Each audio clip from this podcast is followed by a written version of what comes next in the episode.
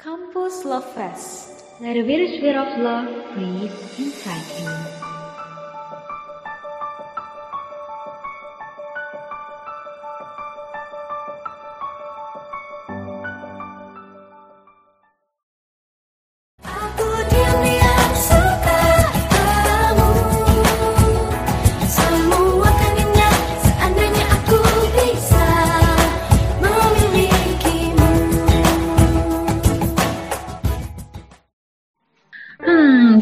Udah dengerin nih lagu Diam-Diam Suka yang viral juga di TikTok. Lagunya sih ceria gitu ya nadanya, tapi sebenarnya maknanya tuh bikin sedih banget dan juga bikin nyesek.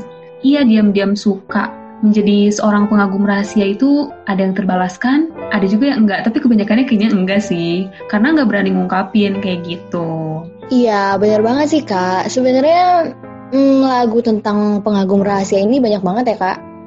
Aku punya satu referensi lagu nih kak, judulnya A Daydream Away dari All Time Low. Wah, aku sebenarnya anak popang banget sih. Nah, eh, lagu Daydream Away ini jadi banyak favorit orang lain kak, mungkin karena relate kali ya sama orang-orang yang punya kisah pengagum rahasia nih kak.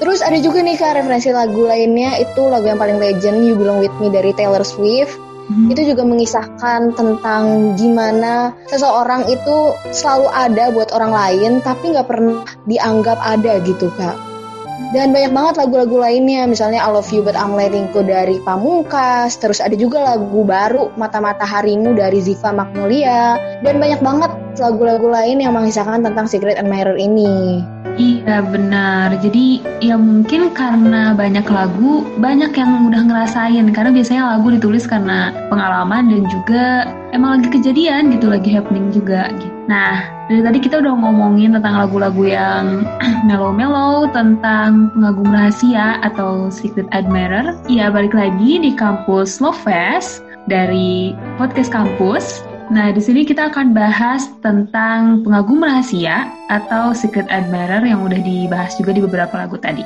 bareng sama siapa nih kak? Bareng sama aku Neta dan juga Aku Nana Oke nak, sekarang kita bakalan bahas nih secara mendalam ya, secara lebih tajam kayak silet ya tentang rahasia atau secret admirer. Pasti banyak banget yang pernah ngalamin, termasuk Nana juga kayaknya pernah. Nggak ada yang aku yang pernah. Nah terus tuh em, bakalan bahas-bahas deh kayak biasanya aja gitu.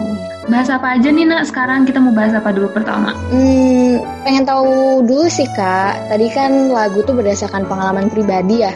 Dan di Hmm. sini topik kita ini tentang secret admirer gitu. Kalau Kaneta pernah nggak sih punya pengalaman pribadi jadi secret admirer?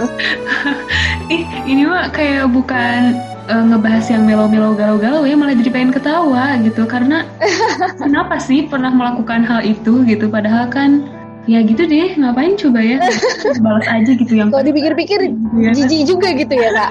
kalau dipikir-pikir sekarang kan kayak ya lo ngapain sih dulu kayak gitu gitu kan kalau aku sendiri sih kalau suka nih kebanyakan ya yang pasti-pasti aja. Biasanya karena cowoknya suka duluan gitu. Kalau aku tuh jarang banget suka sama cowok duluan. Jadi ya Hmm. jarang juga ngalamin jadi pengagum rahasia gitu. Yang bener-bener kan orang suka ada yang nak eh yang nak yang jadi yang nak kan suka ada ya nak yang kayak misalnya naruh coklat lah di tas ceweknya atau di tas cowoknya gitu. Karena kalau jadi pengagum Hmm. rahasia itu bisa dari dua orang sih bisa dari sudut pandang cewek dan juga bisa dari sudut pandang cowok. Tapi kebanyakan tuh kayaknya nih ya yang jadi penggemar rahasia atau secret admirer ini kebanyakannya dari cewek. Karena cewek tuh nggak bisa ngungkapin kalau misalnya dia suka gitu. Kebanyakannya gengsi lah terus kayak masa sih Hmm. cewek yang ngungkapin duluan? Masa sih cewek yang nembak? Jadi kalau suka biasanya diem-diem aja. Makanya aku nih kalau misalnya suka tuh jarang banget aku yang suka duluan. Karena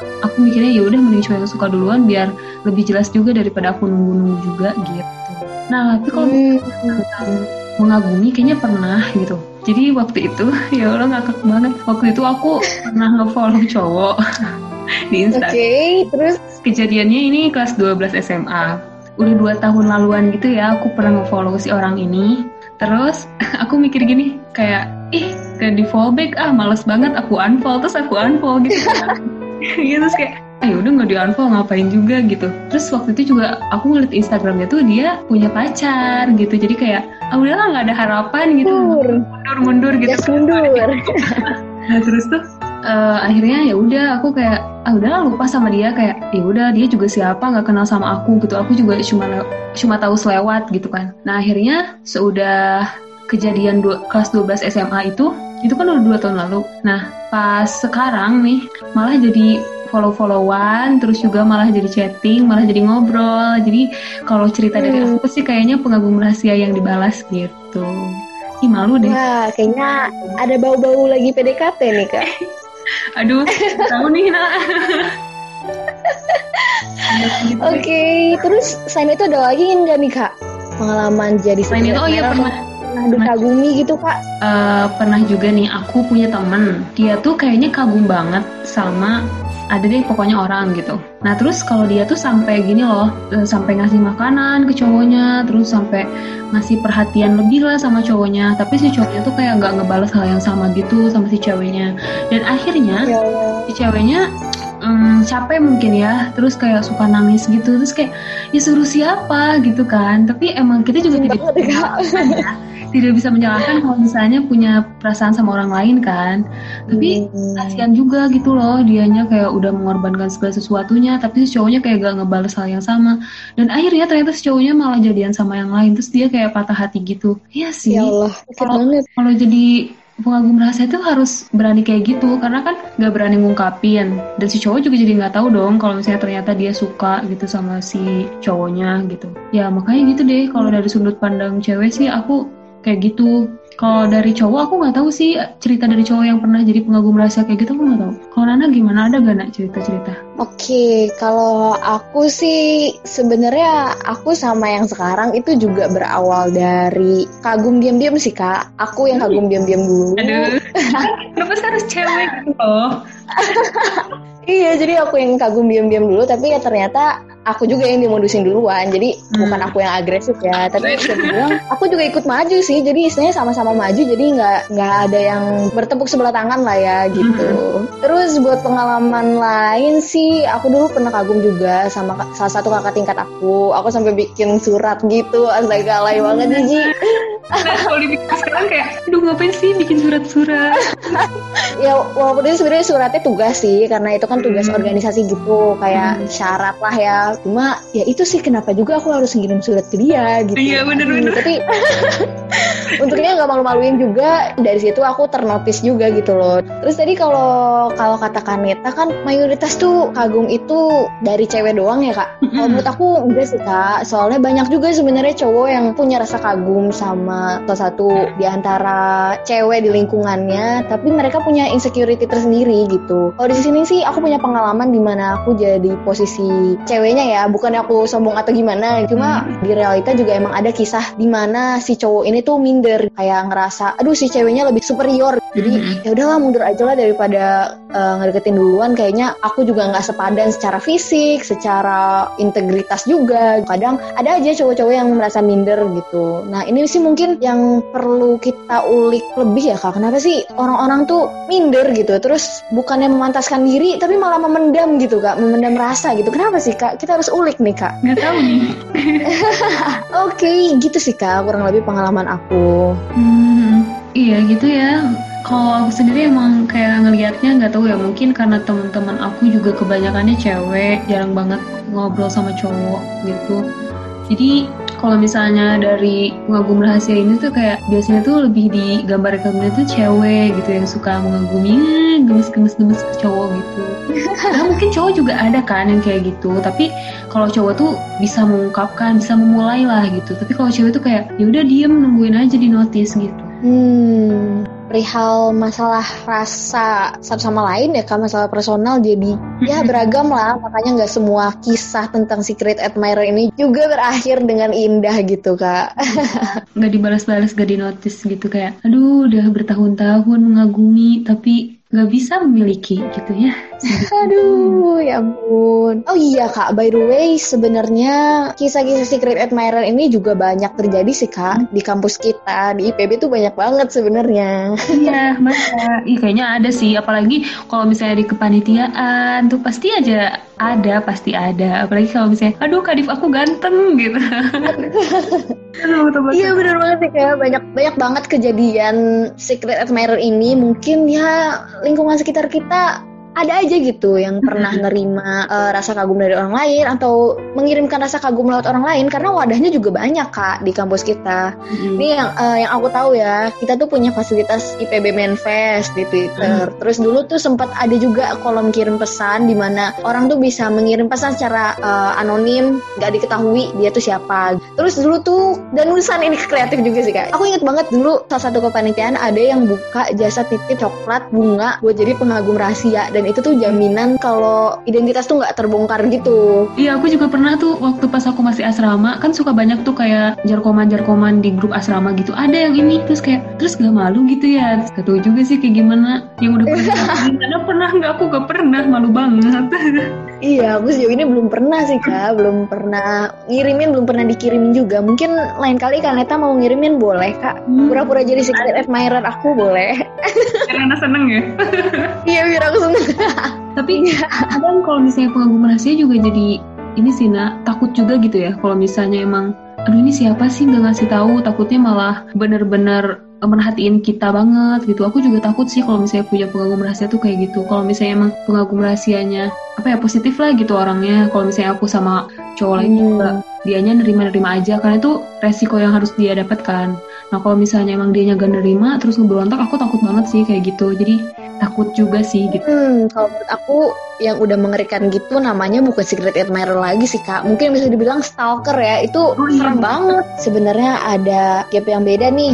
Eh, ada yang namanya secret admirer atau pemuja rahasia, sama ada yang namanya stalker gitu. Nah stalker ini istilahnya secret admirer level expert gitu ya, yang sampai ngejar-ngejar sampai buntutin itu serem banget ya ampun. Dijauhkan lah kita dari hal-hal yang begitu. Nina, tadi kan udah ada beberapa tempat yang kita bisa menyalurkan gitu ya perasaan kita tapi lewat tulisan dan juga identitas kita tertutup. Tapi kan kita nggak tahu ya si orang itu baca apa enggak pesan yang kita sampein terus juga itu cuma wadah doang. Tapi ya udah dengan kayak gitu kan malah yaudah gue udah udah ini nih udah nyampein gitu perasaan gue kayak gimana. Meskipun orangnya nggak tahu emang secret admirer mah gitu ya. Kita bisa ngungkapin tapi eh, ya orangnya tuh tetap gak tahu gak ke notice juga gitu. Kadang ada yang kayak gitu. Tapi sebenarnya ada juga gak sih nah misalnya eh, aku kagumin si A nih. Si A tuh sebenarnya eh, tahu gitu kalau misalnya si A ini dikagumin sama aku kayak Nana tadi kan. Nana juga ngerasa kan dikagumin gitu. Cuma emang dari Hmm. pihak dianya emang mungkin gak mau sama kita gitu. Jadi emang kita harus nerima konsekuensinya sih kalau misalnya pengen jadi pengagum rahasia. Iya bener sih kak. Harus berlapang dada ya. Sakit-sakitnya tuh harus diterima dengan lapang dada gitu. Karena emang mau nggak mau jadi pengagum rahasia yang malu takut nggak punya nyali buat mengungkapkan itu ada konsekuensinya juga gitu kak. Mau nggak mau harus nerima sakit-sakitnya kenyataan ketika dia udah ada yang punya mungkin atau ditolak walaupun belum pernah menyatakan. Jadi memang harus diterima semua konsekuensinya ya kak. Tapi kak aku penasaran gitu kenapa sih orang-orang tuh tadi aku bilang kenapa sih orang-orang tuh lebih memilih buat memendam gitu kak? Kenapa mereka nggak memberanikan diri buat memataskan diri? Carilah nyali mereka gitu buat istilahnya confess sekedar confess tuh kenapa susah banget gitu kak? Tahu nggak sih kak kira-kira kenapa? Nih kenapa orang-orang itu pengennya tuh ya udah memendam aja, diem-diem aja mau dari jauh gitu. Serasa keren kali ya jadi pengagum rahasia. Emang sih suka ngerasa kayak aduh gitu, suka ngerasa keren. Tapi sebenarnya kalau sakit ya tetap sakit, nggak bisa dibohongin. Kenapa nih orang-orang Nina eh, mencintai tanpa meng- mengungkapkan perasaannya gitu ya kayak suka tapi diem-diem aja kayak lagu yang tadi. Yang pertama itu tadi kita udah bahas dari yang tadi banget dengan adanya insecurity. Iya, orang itu tidak percaya diri karena mungkin ngerasa kayak aku nggak cocok nih sama dia gitu. Dia tuh kayaknya pantasnya sama si itu deh, tapi ya kalau namanya kagum harus gimana gitu kan. Itu yang pertama nggak percaya diri. Pastilah ya, tadi juga nggak pede gitu kan buat ngungkapin.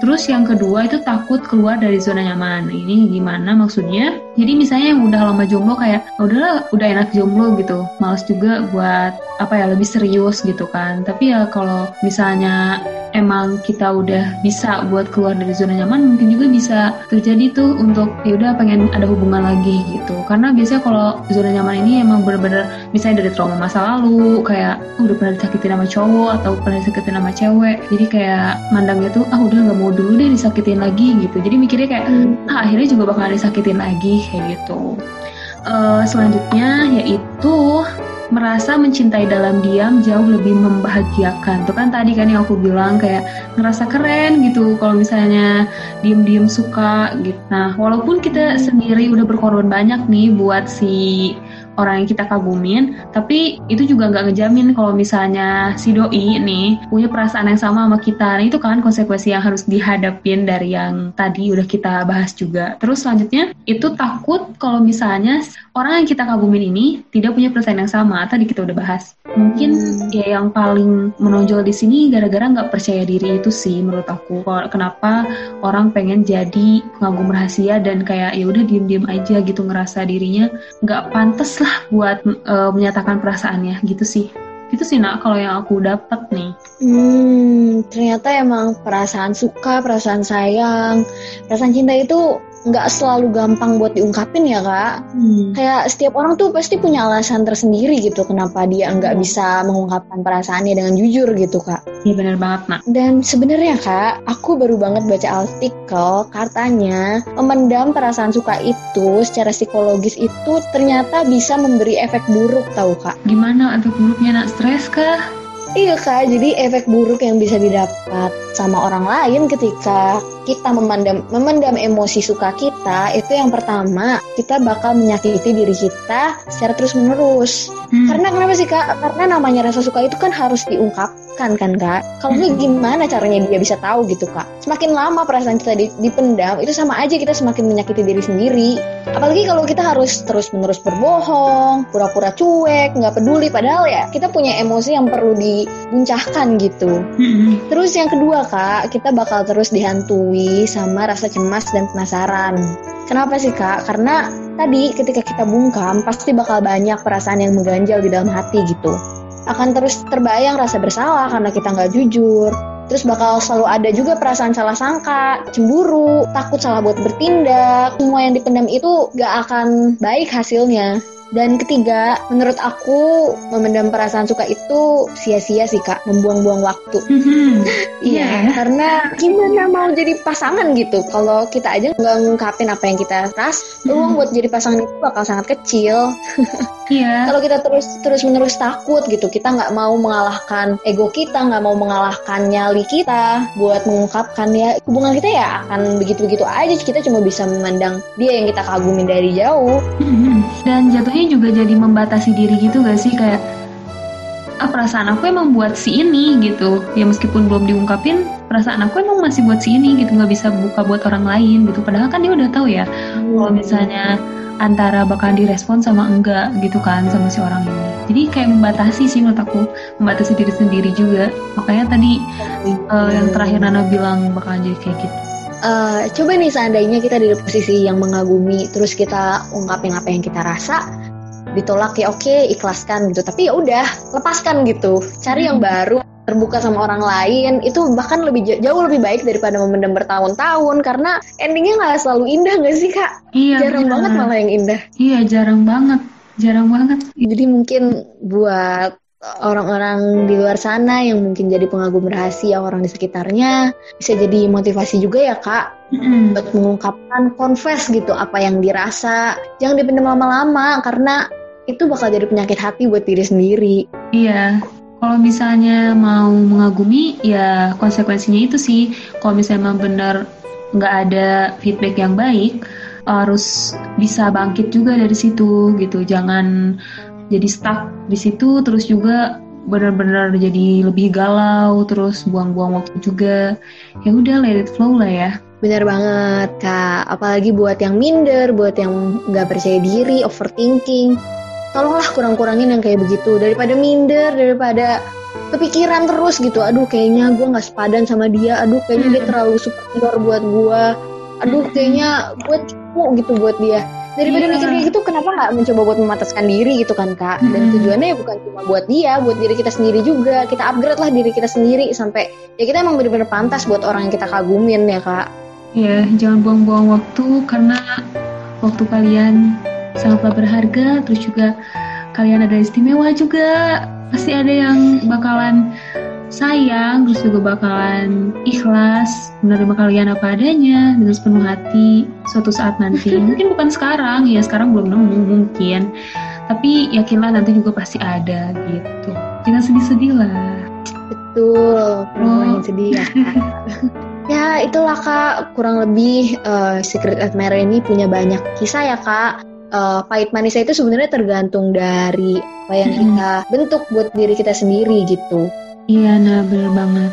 Jadi buat kalian-kalian nih yang mungkin sekarang masih jadi secret admirer, terus juga yang pernah uh, buat kalian yang mau, yang mau menjalani coba dipikirkan ulang lah gitu untuk menjadi secret admirer ini boleh boleh kagum tapi jangan sampai nanti malah menyakiti diri sendiri sih kayak galau berlarut-larut terus tuh sedih-sedihan padahal kalian masih bisa bahagia dengan hal lain gitu Betul, cari coba cari ya kak kebahagiaan kita sendiri gitu. Mm-mm, bener, jangan galau-galau terus, Ih, hidup teh berwarna tau.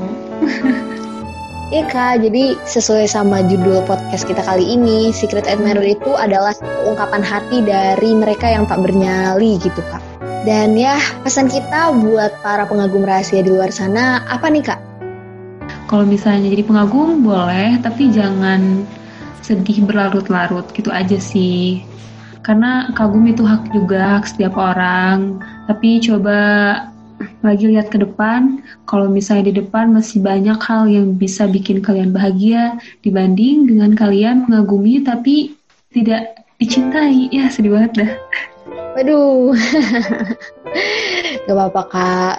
Cinta itu nggak harus kita dapat dari pasangan kok kak, dari keluarga, dari teman-teman. Kita juga bisa dapat kebahagiaan dari cinta nah, mereka. I see. Sekali. Itu Nana, tumben nih Nana. Waduh, biasanya aku salah gitu kak. Bukan gitu. aku butuh penjelasan. Oke. Okay. Kurang lebih dari kita itu aja. Terima kasih buat teman-teman yang mungkin jadi pendengar rahasia kita. Waduh. Ya, dan juga makasih buat kalian yang udah setia dengerin podcast Kampus Lovest, terus dengerin podcast Kampus Lovest di Spotify, dan juga jangan lupa untuk follow Instagram podcast kampus. Dan buat kalian yang mau berbagi cerita, boleh banget buat kirim email kalian ke kampuslovest@gmail.com. Yeay, ditunggu ya buat teman-teman yang ingin mengirimkan manifestnya di email kita. See you next week. Bye-bye. Thank you.